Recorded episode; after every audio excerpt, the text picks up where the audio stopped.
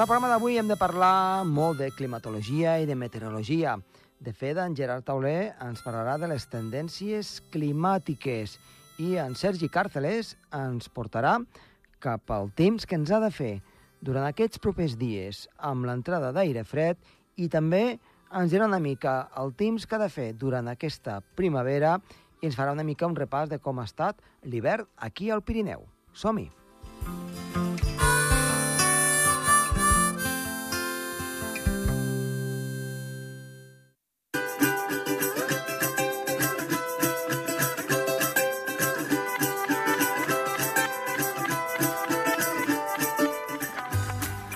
Iniciem el programa i parlem amb Gerard Tauler. Gerard, molt bona tarda. Hola, bona tarda, Josep Tomàs. Doncs, de nou, moltíssimes gràcies per estar aquí amb nosaltres. Avui ens vols parlar de les tendències de les variables climàtiques.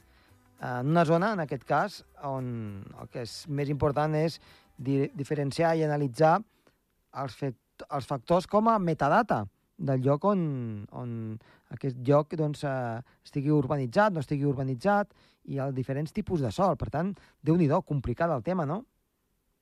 Sí. Com Clar, pot... primer s'ha de saber si l'estació meteorològica està en bones condicions, vull dir, està en un terreny natural o, o en canvi està en una ciutat eh, en un terreny artificial, amb una taulada, uh -huh. o una terrassa. I com, ho, com hauria de ser perquè tinguéssim una estació meteorològica amb, amb, en bones condicions... És en aquest... complicat, sobretot en una ciutat. Sí. No, no és en un parc urbà, Sí, és complicat. Clar, eh, clar, en una ciutat la major part de, de la superfície és impermeable, és, mm. és terreny artificial, és asfalt, voreres... Aleshores, com ho podem solucionar? Eh, haurien d'estar penjades o...? Home, si el sol ha canviat, clar, hauríem de fer un, camp, un, un, un factor de correcció. Ja. Que això, eh, amb, si mirem la bibliografia ja, ja, ja, ja hi ha doncs... Aquests factors de correcció. Com en Clim, en Clim o Proclim són programes que, que, que, que, que t'homogenitzen una sèrie tenint en compte una de referència. Si hi ha diverses estacions properes al voltant, sí. a una distància propera, i, i, i la correlació amb, la, amb aquesta estació és bona, aquesta estació que, que no té, reuneix les condicions d'Organització Meteorològica Mundial, doncs fa la correcció i ja està.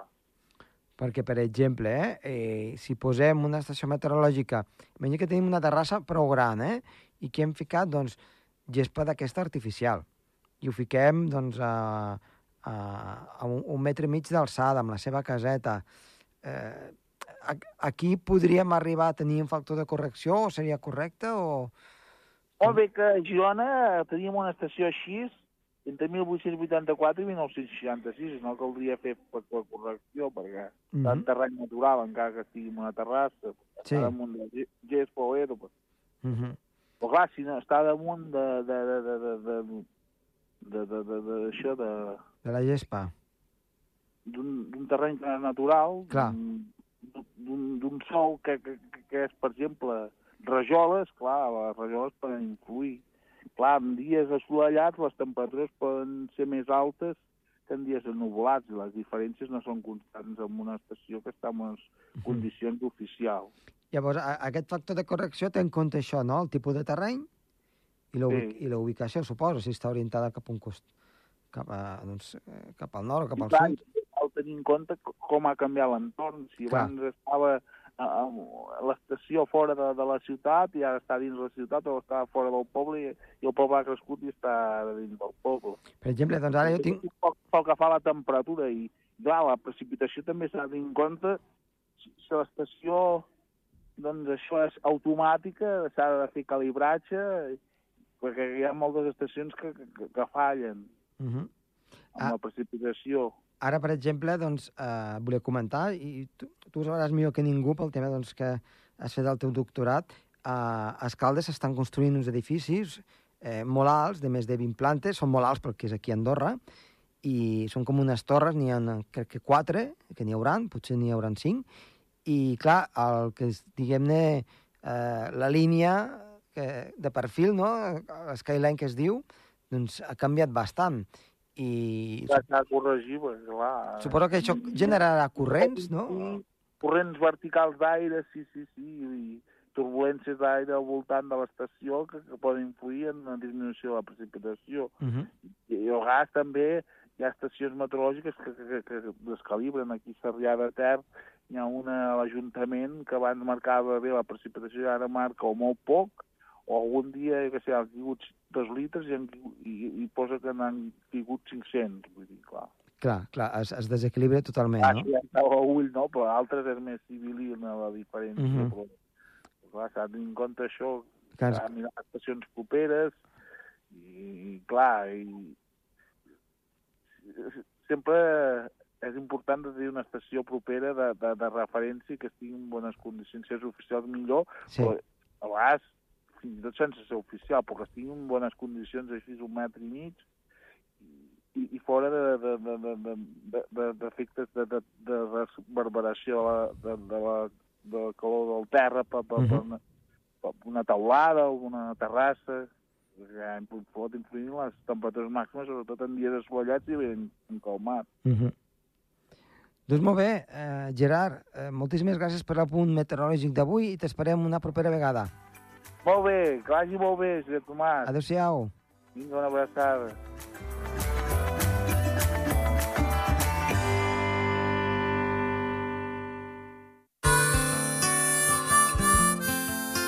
El Torb, amb Josep Tomàs.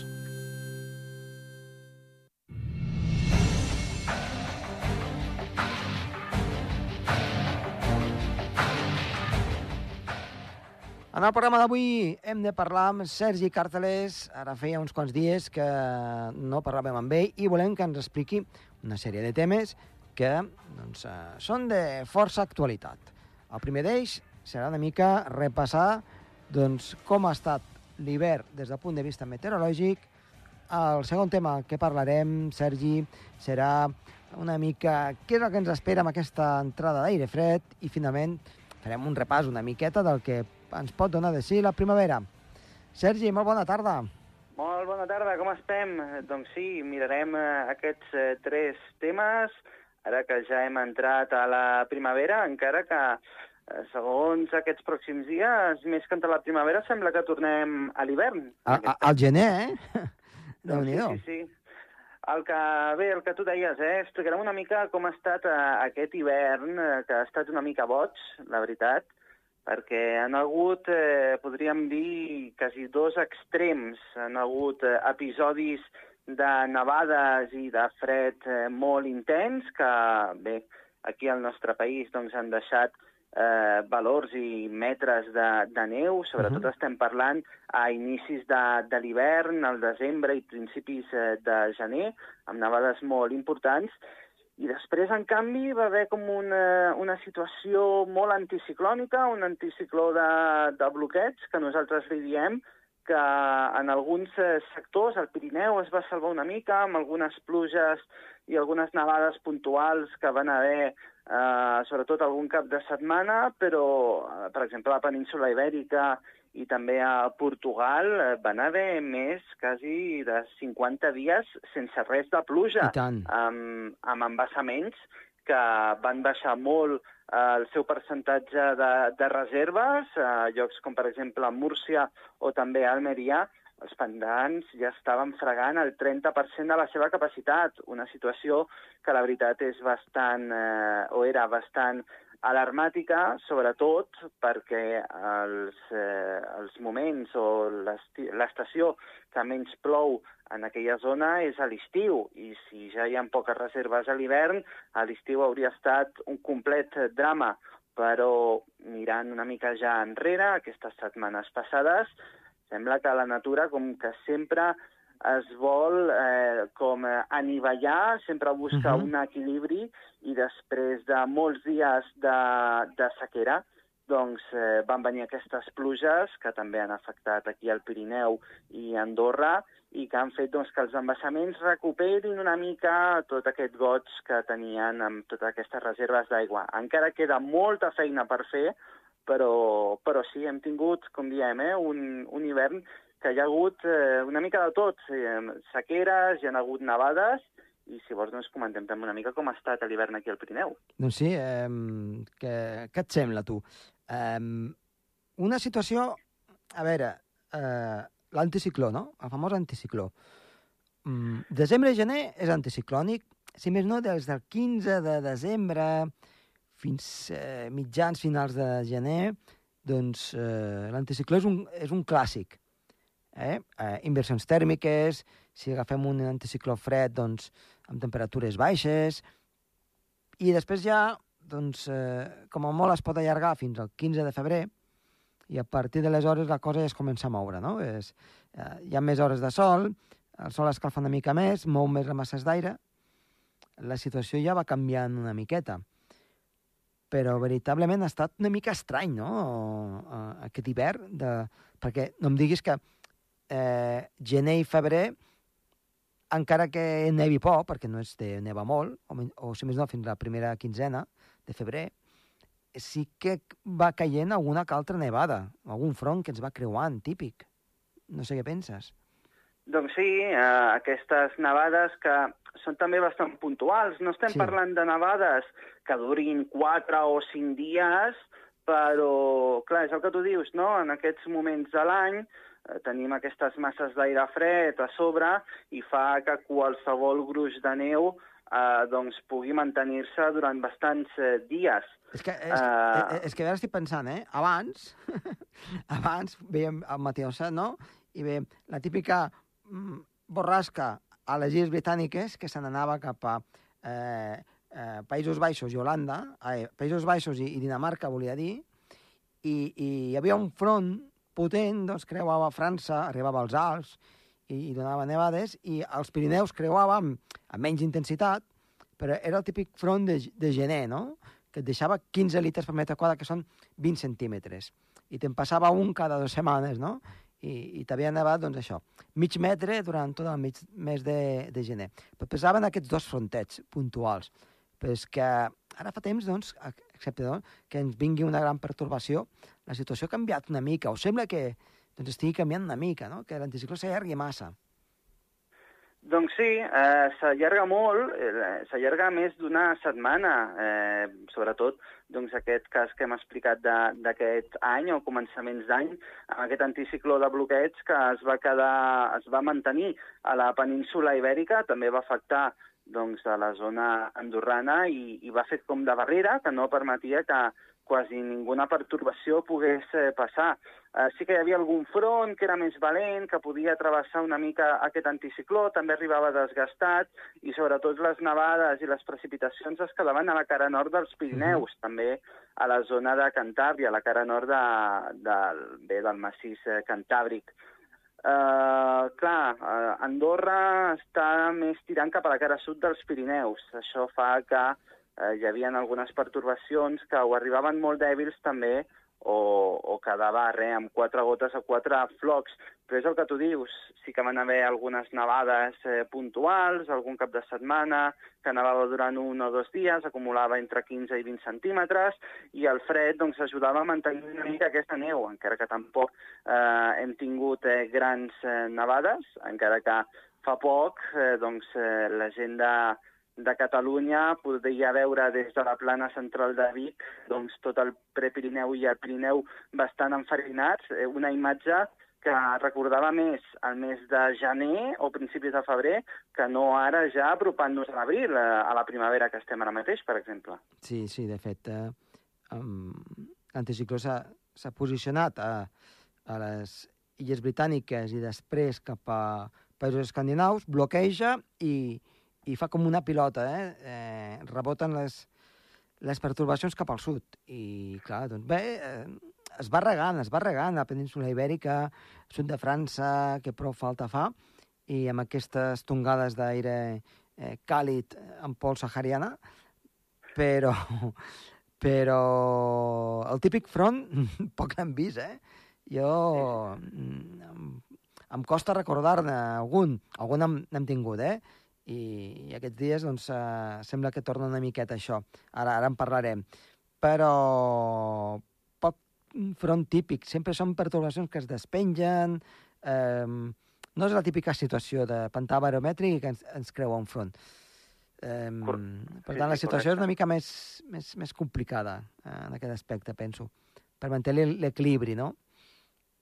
Sí, sempre estem acostumats no, a unes dinàmiques, a, a unes coses que passen eh, sovint, i ara el temps sembla que està una mica més boig, es generen situacions que abans no generaven tan fàcilment, i potser aquí estava, potser qui sap, no? Potser estem parlant d'una nova dinàmica, no? O una nova, una nova costum. Al final, doncs, eh, el planeta Terra també sabem que va canviant i ja veurem, eh? Potser ha estat un any boig, senzillament, I, ja i l'any que ve seguirem un altre cop amb aquestes pertorbacions, aquests fronts que ens aniran passant durant tot l'hivern i el 2022 haurà quedat com un any una mica estrambòtic meteorològicament i ja està. Tot caldrà veure, no?, aquests pròxims anys, aviam com, com evoluciona i, i aviam si tenim noves dinàmiques i, i tenim eh, doncs, eh, molta matèria realment per investigar, per veure com, com anirà aquest eh, futur.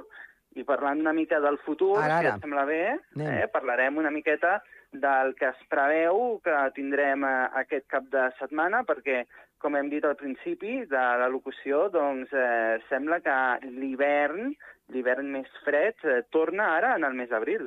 Doncs sí. Uh, a veure, no farem la previsió meteorològica, eh?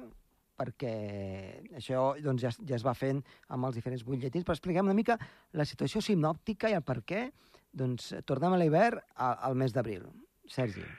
Doncs mira, tal com has estat parlant abans, després de tots aquests anticiclons que s'havien quedat en el sud d'Europa i que no deixaven que les masses d'aire fred es despengessin, eh, s'ha generat el que nosaltres coneixem com l'efecte nevera o l'efecte congelador. És eh, un, eh, un efecte que genera quan, sobretot, eh, les masses d'aire més fredes eh, polars i també àrtiques es queden atrapades en aquella zona, no aconsegueixen despenjar-se, per al que tampoc poden intercanviar aire fred i aire càlid, i es va allà com refredant, refredant, cada cop es va refredant més aquest aire, fins que hi ha un moment, evidentment, que aconsegueix despenjar-se, llavors és aquesta llengua d'aire fred que es desplaça pel, per l'Europa central i també arriba aquí a casa nostra, Andorra, la península Ibèrica, també el sud de França, etc. I són aquestes llengües d'aire fred eh, polars, àrtiques, que baixen, fan baixar molt les temperatures, a part de forma dràstica, i és que les temperatures poden baixar quasi 10 graus en un sol dia, i, i la veritat és que, bé, són aquestes situacions que acostumen a arribar més cap al febrer, eh, principis de març, si Mhm. estirem molt, i en aquest cas doncs, ha tardat tant en despenjar-se aquesta situació que ja estem parlant de principis d'abril amb, amb aquesta, doncs el que diem, aquesta, amb aquest talbac, que se li diu eh, en català, que és aquesta massa d'aire freda inestable com una llengua que doncs, arribarà a Andorra i que farà baixar molt les temperatures i que les nevades siguin pràcticament a cota zero. Uh -huh. Tot i que, en principi, tampoc no és que hagi d'anar molt, però sí que a cara nord eh, la situació pot, pot anar sent eh, complicada en aquest aspecte. Sí, la llàstima és que últimament, quan es propicien eh, totes les variables perquè pugui nevar, al final eh, sempre falta la variable més important, i és que plogui, no? que hi hagi precipitacions. De poc ens serveix que hi hagi molt de fred o que faci molt de fred si després no precipita. Al final és un Clar. fred sec i, i bé, eh, en aquest cas sí que és un fred sec, eh, principalment perquè aquesta, aquesta massa d'aire freda eh, ve del centre d'Europa, per la zona, sobretot, eh, de Rússia, eh, baixa cap, a, cap al sud, però tota la distància o tot el recorregut que fa és un recorregut continental, és a dir, no té per on agafar energia. Llavors, aquesta massa es va secant i secant, arriba a una humitat molt baixa i quan arriba aquí a la península ibèrica, que és quasi al final del recorregut, ja no té humitat i, per tant, núvols bastant poquets. Canviaria la cosa si, per exemple, canviés la, la direcció del vent i potser agafés eh, energia del Cantàbric o també del Mediterrani, però en aquest cas doncs, serà vent del nord, que vindrà bastant sec i que farà doncs, que baixin molt les temperatures, però precipitacions ben bé poquetes. Això sí, eh, temperatures, mm, doncs aquí al Pirineu, mm, de 14, 15, 16 sota zero, eh? Sí, sí, seran temperatures completament hivernals.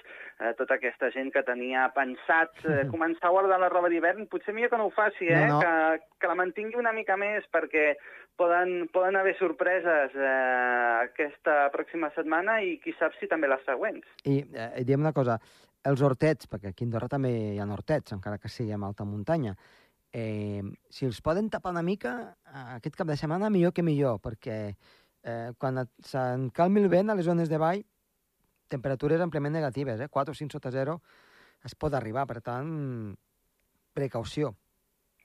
Sí, i a part si se genera doncs, eh, també una mica d'inversió tèrmica, podria generar-se una mica de boira, seria boira gelada, que podria afectar els horts, per al que també és el que tu dius, eh? Eh si tapem una mica els hortets, anirà bé doncs, per eh, evitar que es formin gelades a les fulles i a les plantes i, i bé, mira, al final sempre prevenir que curar, no?, en aquest cas. Exacte. I mira, doncs ja enfilem que parlem dels hortets i una mica doncs, de totes aquestes eh, vegetals que ja s'han plantat o que es comencen a plantar, eh, fem, fem una pinzellada, eh, ràpidament del que ens pot donar de ser una mica la primavera. Mm, els models meteorològics cap on tiren? No, els serà, models, no seran els models meteorològics... càlids, càlids i secs, com sempre. Doncs eh, sí, els models meteorològics eh, tiren eh, normalment cap on tira sempre eh, la dinàmica constant ara amb, amb aquests, amb aquests últims anys, eh, amb un eh, clima doncs, eh, bastant eh, sec, eh, també amb unes temperatures una mica per sobre de, del que és la, la mitjana, però bé, sempre tenim que advertir eh, que aquests models climàtics que et fan una predicció de tres mesos, eh, doncs bé, eh, al final són una mica eh, doncs, eh, prediccions que ens donen petites idees, però després també cal veure no, com avança aquesta primavera, aquesta primavera del 2022, que si bé ja hem tingut sorpreses eh, ara aquest hivern, doncs eh, qui diu que no podem tenir també alguna sorpresa eh, a la primavera, encara que hem de ser realistes, si les sorpreses han de ser presents, ho hauran de ser en el mes d'abril, perquè al maig ja començarà a pujar la temperatura, el sol eh, estarà a casa nostra durant més hores i també farà doncs, que les temperatures pugin una miqueta més. Però bé, ja estarem veient a veure com evolucionen els, els models i si podem tenir alguna última sorpresa o alguna nevadeta també al maig. Doncs molt bé. Uh, per tant, uh, ho anirem seguint uh, i esperem que no sigui ni seca uh, ni càlida, sinó que sigui normal, que és el que toca. Eh? Amb, I tant, amb i tant, i tant. precipitacions i, estones de sol i alguna calta tempesta, que és el que tocaria per aquesta primavera al Pirineu. Doncs, Sergi, moltíssimes gràcies avui per tornar a estar aquí amb nosaltres. És un plaer. Ens veiem. Adéu-siau.